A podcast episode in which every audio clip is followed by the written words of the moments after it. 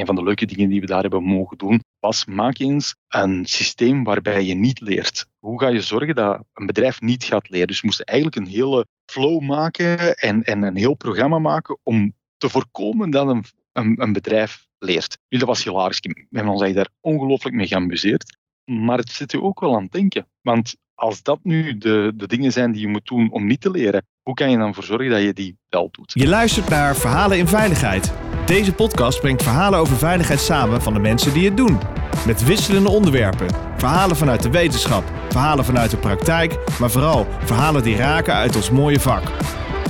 Uw presentatrice Orlie Borlak.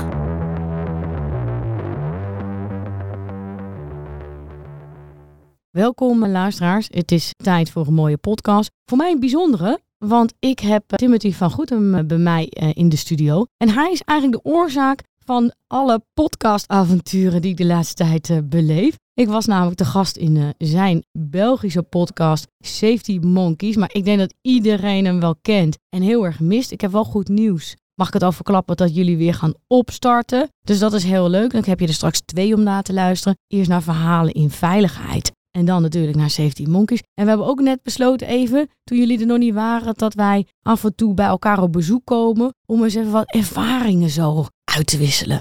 Maar voor wie Timothy niet kent, ik kan het bijna niet geloven, een kleine introductie. Timothy is Progressive Safety Advocate. Hij is de podcast-host van de veiligheidspodcast in België. En daarnaast is hij expert in human performance. En Timothy heeft een heleboel geleerd want hij is verder aan het studeren. En daar gaan we het vandaag eens over hebben. Wat heb jij geleerd bij de Master Human Factors en Safety? Van wie is het ook trouwens? Ja, hey, dag Orly. Um, dank je dat, je dat ik de gast mag zijn. Ja, uh, fijn om te zien dat jij ook aan het podcasten geslagen bent. Wel, de Master System Human Factors and System Safety is een, een tweejarige master aan de Universiteit van Lund en dat ligt in Zweden. Het is de enige in Europa die dat soort human factors geeft. Waarom? Ze gaan nogal dwars op veiligheid. Het traditionele verhaal wordt eigenlijk weinig tot niet benoemd. Men gaat vooral kijken van wat is er nog in de grote veiligheidswereld. En voor mij was dat een beetje een noodzaak ten opzichte van de hogere veiligheidskundige of de, de preventieadviseur niveau 1 opleidingen die we momenteel in zowel België als Nederland zien, zien we heel vaak dezelfde thema's terugkomen. Heel technische veiligheid, wat absoluut nodig is. Um, je zal mij hier nooit niet horen zeggen dat, dat, dat we dat overboord moeten gooien. Sterker nog, ik denk dat we dat sterk moeten omarmen en mee blijven ondersteunen en ontwikkelen. Maar je hebt nog die menselijke component. En daar heeft men al jaren geprobeerd van alles mee te doen. En toch slagen we er maar in om, om daar vat op te krijgen. En de master in, in Human Factors and System Safety probeert dat voor een stuk aan te pakken door je verschillende perspectieven aan te bieden. Je krijgt er geen antwoorden. Dat is eigenlijk heel simpel. Je krijgt vooral heel veel leeswerk en heel veel vragen. En hoe pakken ze dat aan? Belangrijk om te weten is dat, dat die een tweejarige master enkel door werkstudenten kan worden gevolgd. En wat is een werkstudent? Iemand die vanuit zijn bedrijf okay. en door bedrijf gesponsord wordt ah. naar Lundmag. Het is niet dat je als student gewoon naar daar kan. Het moet dus via het bedrijf zijn. Ja. En ze hebben eigenlijk in grote, over die twee jaar, in grote blokken, hebben een zestal onderwerpen. Het zijn 60 studiepunten en dus ze hebben dat wat verdeeld. En, en we zijn begonnen met een New View of Human Factors and System Safety. En dat was dan in januari. Nu hebben we juist de sociologie van veiligheid en ongevallen achter de rug. Nu gaan we naar accountability and learning from failure, wat dan eerder naar de just culture verhalen gaat. Om dan eigenlijk voor te bereiden op de thesis waarmee je de opleiding afsluit, gaan we nog een blok veiligheidswetenschappelijke methodes gaan onderzoeken. En elke blok heeft een cyclus waar die start met één learning lab. En een learning lab is een week dat je naar Lund gaat met de andere studenten en waarbij dat ze je van s morgens tot s avonds gewoon bestoken met van alle kennis. Een van de leuke dingen die we daar hebben mogen doen was maak eens een systeem waarbij je niet leert. Hoe ga je zorgen dat een bedrijf niet gaat leren? Dus we moesten eigenlijk een hele flow maken en, en een heel programma maken om te voorkomen dat een, een, een bedrijf leert. Nu, dat was hilarisch. We hebben ons daar ongelooflijk mee geamuseerd. Maar het zit je ook wel aan het denken. Want als dat nu de, de dingen zijn die je moet doen om niet te leren, hoe kan je dan voor zorgen dat je die wel doet? En dat ging dan over straffen en belonen. Wil ik meteen dus weten wat je meest creatieve oplossing was om te voorkomen dat mensen gaan leren? Ah, we hebben ervoor gezorgd dat, dat enkel het hoger management alle ongevallen na ging kijken en dat er een KPI stond op het aantal straffen dat men uitdeelde naar aanleiding van ongevallen. Geen enkel ongeval nog bij dat management geraakt. Dat was ons idee. En, effectief, als je kijkt naar de literatuur, ga je zien dat dat een van de struikelblokken is voor, voor rapporteren. Dus dat was eigenlijk best wel ja, er is, een, er is een foto die ik op LinkedIn heb gepost waar ik het aan het uitleggen ben. En je ziet gewoon dat daar zoveel plezier uit uitstraalt. En dat is ja, dat toch een van mijn favoriete herinneringen tot hiertoe. Hè. En had je ook wat ideeën, ik weet niet of je het boek van George Orwell hebt gelezen, 1984, om daar wat dingetjes uit te halen, om te voorkomen dat mensen leren? Oeh, surveillance en zo. Ja, dat had ik misschien wel moeten doen. Ja. Ah, nee, dat hebben we niet gedaan. Dat is inderdaad nog een idee. Dus uh, camera's, als je niet wilt leren... Ja, wo woorden afpakken, verboden woorden en zo. Ja. Con contactverbod. Mensen aparte kamers zetten. En dan, dan mensen er laten, laten verraden, want je moet, je moet verplicht melden als iemand dat verboden woord niet gebruikt. Een beetje zoals in de Handmaid's Tale. Ja. Oh, oh, dolle pret. Ik, uh, ik denk dat we al een onderwerp hebben gevonden voor onze volgende koffie samen. Hè? Ja, precies. Zo'n module duurt 12 weken ongeveer. En in de eerste twee modules krijg je zes opdrachten. En vanaf nu zijn het maar vier opdrachten. Alleen maar vier opdrachten betekent dat je per opdracht twee boeken en elle papers moet lezen om te beginnen en dan nog verder te, te graven. Dus het klinkt minder, maar het is veel meer werk geworden. En die modules, in week 1 moet je je paper schrijven. Dus moet je lezen, moet je zorgen dat je een paper schrijft, 2.000, 3.000 woorden ongeveer. En op woensdag krijg je een online training. Dat is dan een training samen met je klasgenoten, ongeveer twee uur, waarbij dat we dan een aantal papers bediscuteren, waarbij dat we dan een aantal ideeën lanceren, waarbij men vooral probeert, nog voordat je je paper moet inleveren, dat je nog andere inzichten meekrijgt. Heel boeiend is, omdat je krijgt dan een vraag, en daar zullen ze even op, op, op inzoomen, en je krijgt dan ineens heel veel perspectieven van mensen. Want ja, ik lees die vraag op die manier en iemand anders leest de vraag op een heel andere manier. Want zo zijn de vragen ook opgesteld, bewust. Dus dan die zondag 12 uur moet je paper binnen zijn. Ik kan je verzekeren, de zondagmorgen bij ons zijn redelijk hectisch, want dan gaat papa ergens achter zijn computer zitten in zijn kokonnetje, want ja, uitstelgedrag is mij nog altijd zeer bekend. En in week 2, dus op maandagmorgen, krijg je twee papers die je moet reviewen. Dus je krijgt twee papers van medestudenten. Je moet reviewen, maar je moet ze ook reviewen op dezelfde academische manier als je je eigen paper schrijft. Dus het is echt de bedoeling dat je ervoor zorgt dat je met kennis van zaken en met referenties elkaar probeert te verbeteren. Het is ook het enige dat telt, leren en verbeteren. En in die week krijg je ook nog eens een one-to-one met je universiteitsbegeleider, die dan heel diep op jouw opdracht ingaat en zegt van ja, maar dat begrijp ik niet goed, leg me dat eens uit. En dan ben je geslaagd of niet geslaagd. Nu, er zijn geen punten, wat ook heel fijn is, omdat je op die manier ook heel baldadig kan zijn. Je kan soms een, een positie nemen die helemaal niet zo geapprecieerd wordt, maar het idee erachter is, pick a position and defend it. Zolang dat je het kan onderbouwen, is het oké. We hoeven het niet eens te zijn. En dat is ook interessant als je dan die papers van die collega's begint te bekijken. Dat zijn, ja, maar hoe, jullie zien resilience engineering zo, dat is toch veel vreemd. Holnagel zegt dit. En zo proberen eigenlijk die discussie gaande te houden. Hè? Ja, mooi. En gave opbouw ook. Heel anders dan uh, ja, klassieke vorm van leren. En wat heb je inhoudelijk geleerd?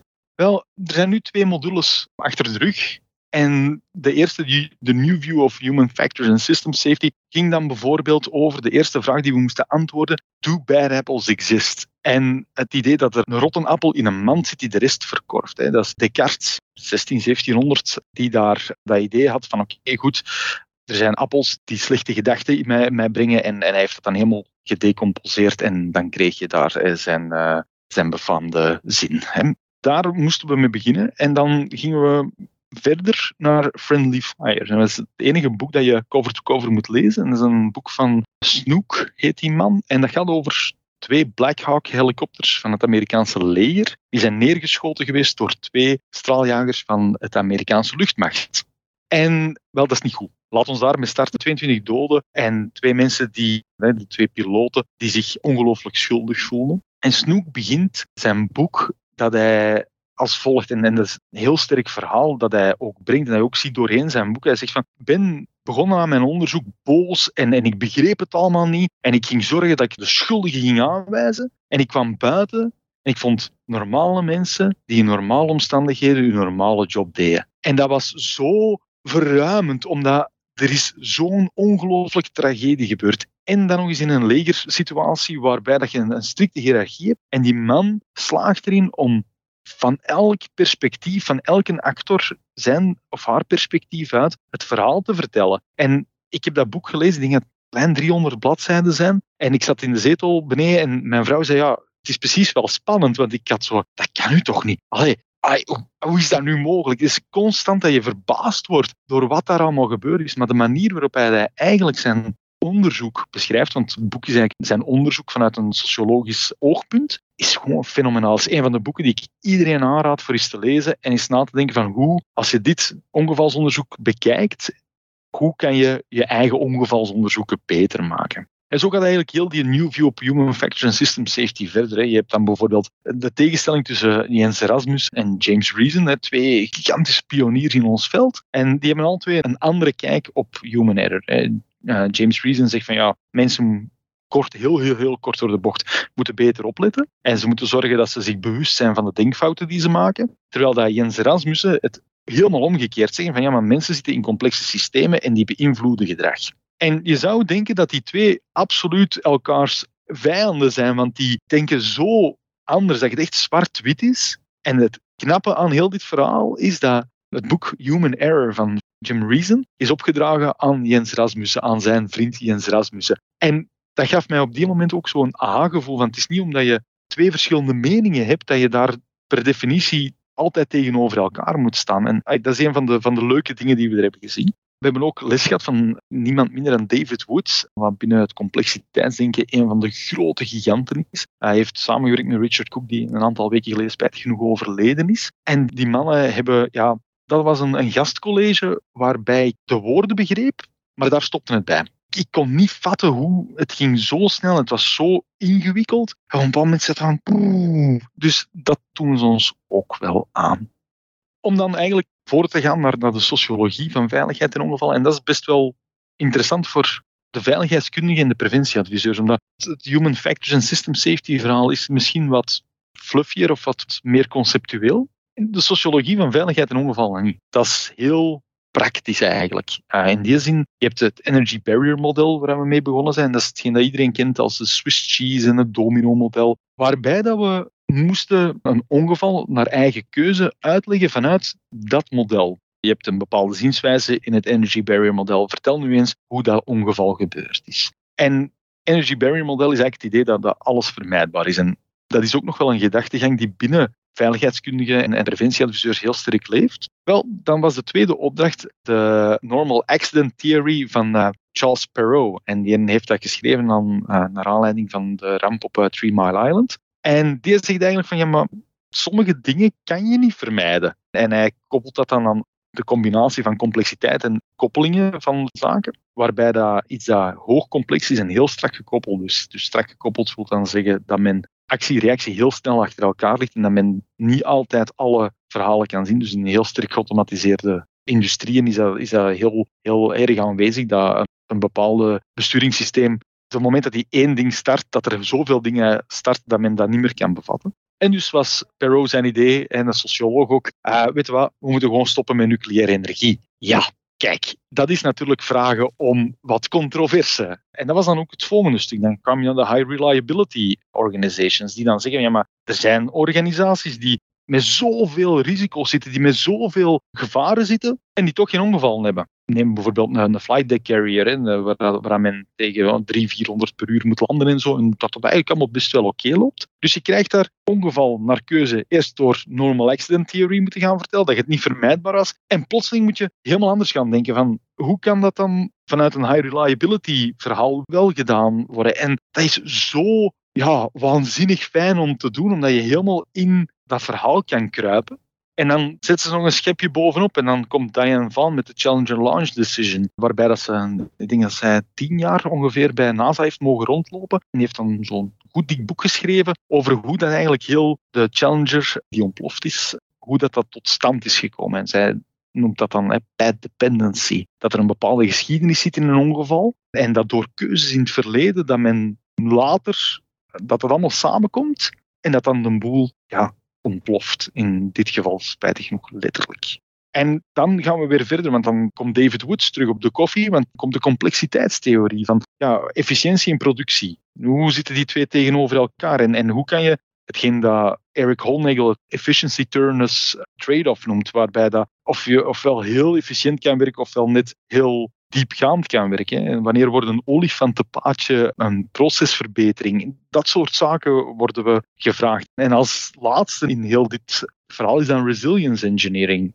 En waarbij dat je dan leert door het resilience assessment grid te kijken naar van hoe kan een, een bedrijf responden op afwijkende gebeurtenissen of op dagelijks werk. Hoe kan je die dingen monitoren? Hoe kan je zien van wanneer de moment dat dagelijks werk wat begint af te schuiven van hetgeen dat we verwachten, hoe kunnen we dat zien en hoe kunnen we daarop anticiperen? Want dat is dan het derde stuk. En hoe kunnen we, en dat is het belangrijkste vind ik, vanuit resilience, hoe kunnen we leren uit dagelijks werk en uit ongevallen? Want het is een en-en verhaal. En dat is zo wat de, trip die we ja, de voorbije negen maanden hebben genomen. En je vroeg mij, wat is hetgeen dat je daar nu van hebt geleerd? Hè? Wat heeft mij nu het meest verbaasd? Wel, in de eerste opdracht van de tweede course kregen we de vraag, what is safety? Nu, dat is eigenlijk een heel gekke vraag om dat aan, aan een, uh, een veiligheidskundige of een preventieadviseur te zeggen. Want die zegt, ja, dat is afwezigheid van onnodige risico's. Nu, daar komt er niet mee weg bij Lund, want daar, dat, dat, dat nemen zij niet.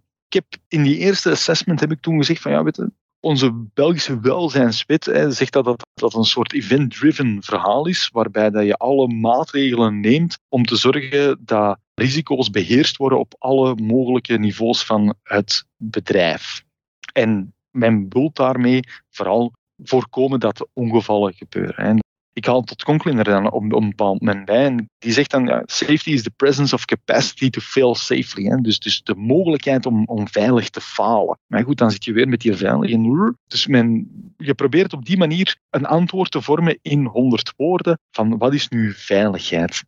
En het leuke was, in 2.6, de laatste opdracht, kregen we diezelfde vraag. What is safety? En dan kijk je dat door al die brillen die je hebt gezien. En ik kwam tot de conclusie dat veiligheid een sociaal contract is, waar dat alle betrokken partijen erover eens zijn dat de fysieke en de mentale welzijn van zij die daarbij betrokken zijn, absoluut is en, en heel expliciet is. Dat men daar heel duidelijk over is. En zoals de, de maatschappij evolueert, evolueert veiligheid naar welzijn dan. En waar dat het impliciete doel is om te zorgen dat zij die naar huis gaan in een betere fysieke en mentale state komen. Veiligheid, concludeer ik dan, is het resultaat dat het geheel probeert te voldoen aan dat, aan dat sociaal contract. En dat voldoen is een constant proces dat dynamisch is en dat moet zich aanpassen aan de context waarin het gebeurt. En leren en communicatie zijn daar twee vitale onderdelen van, van dat constant proces om te zorgen dat je eigenlijk in een soort actieve organisatiestaat geraakt. En dat was voor mij de allerbelangrijkste takeaway van Lund tot hier toe. En ik ben ervan overtuigd dat als we over een half jaar terug opnieuw babbelen, dat, dat er andere zaken gaan zijn. Maar de master zet je aan het denken en zorgt ervoor dat je verder denkt dan hetgeen dat men je voedt. Je moet jouw mening geven. Dat was ook de, de commentaar die ik van mijn begeleider ook kreeg in die eerste opdracht. Ja, dat is goed, dat is de welzijnswet bij jullie in België die dat zegt, maar wat is jouw mening? Wat betekent veiligheid voor jou? En dat is zo sterk, vind ik, aan, aan Lund. Het is anders. Nou, dankjewel voor deze mooie podcast. En misschien is dat ook wel nou, een mooie aan de luisteraar. Zijn we ook anders naar werk en mensen gaan kijken? Is veiligheid een sociaal contract? Dat zou betekenen dat we een dienende organisatie zijn, dienend leiderschap. En eigenlijk betekent dat we helemaal anders gaan kijken dan we altijd deden. Nou, dankjewel. Ik denk, kom je misschien een keertje terug? Ja, graag. Leuk. Dat is heel fijn. Dan kom ik ook bij jou op bezoek. Ah, super. Dat vind ik nog fijner. En uh, nou, dankjewel en uh, tot in de toekomst. Tot snel.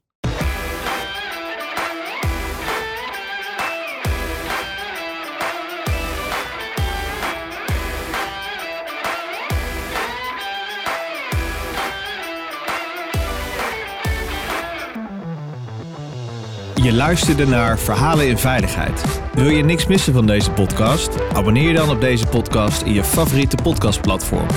Of laat een recensie achter via Apple Podcast. Dank voor het luisteren. Graag tot de volgende.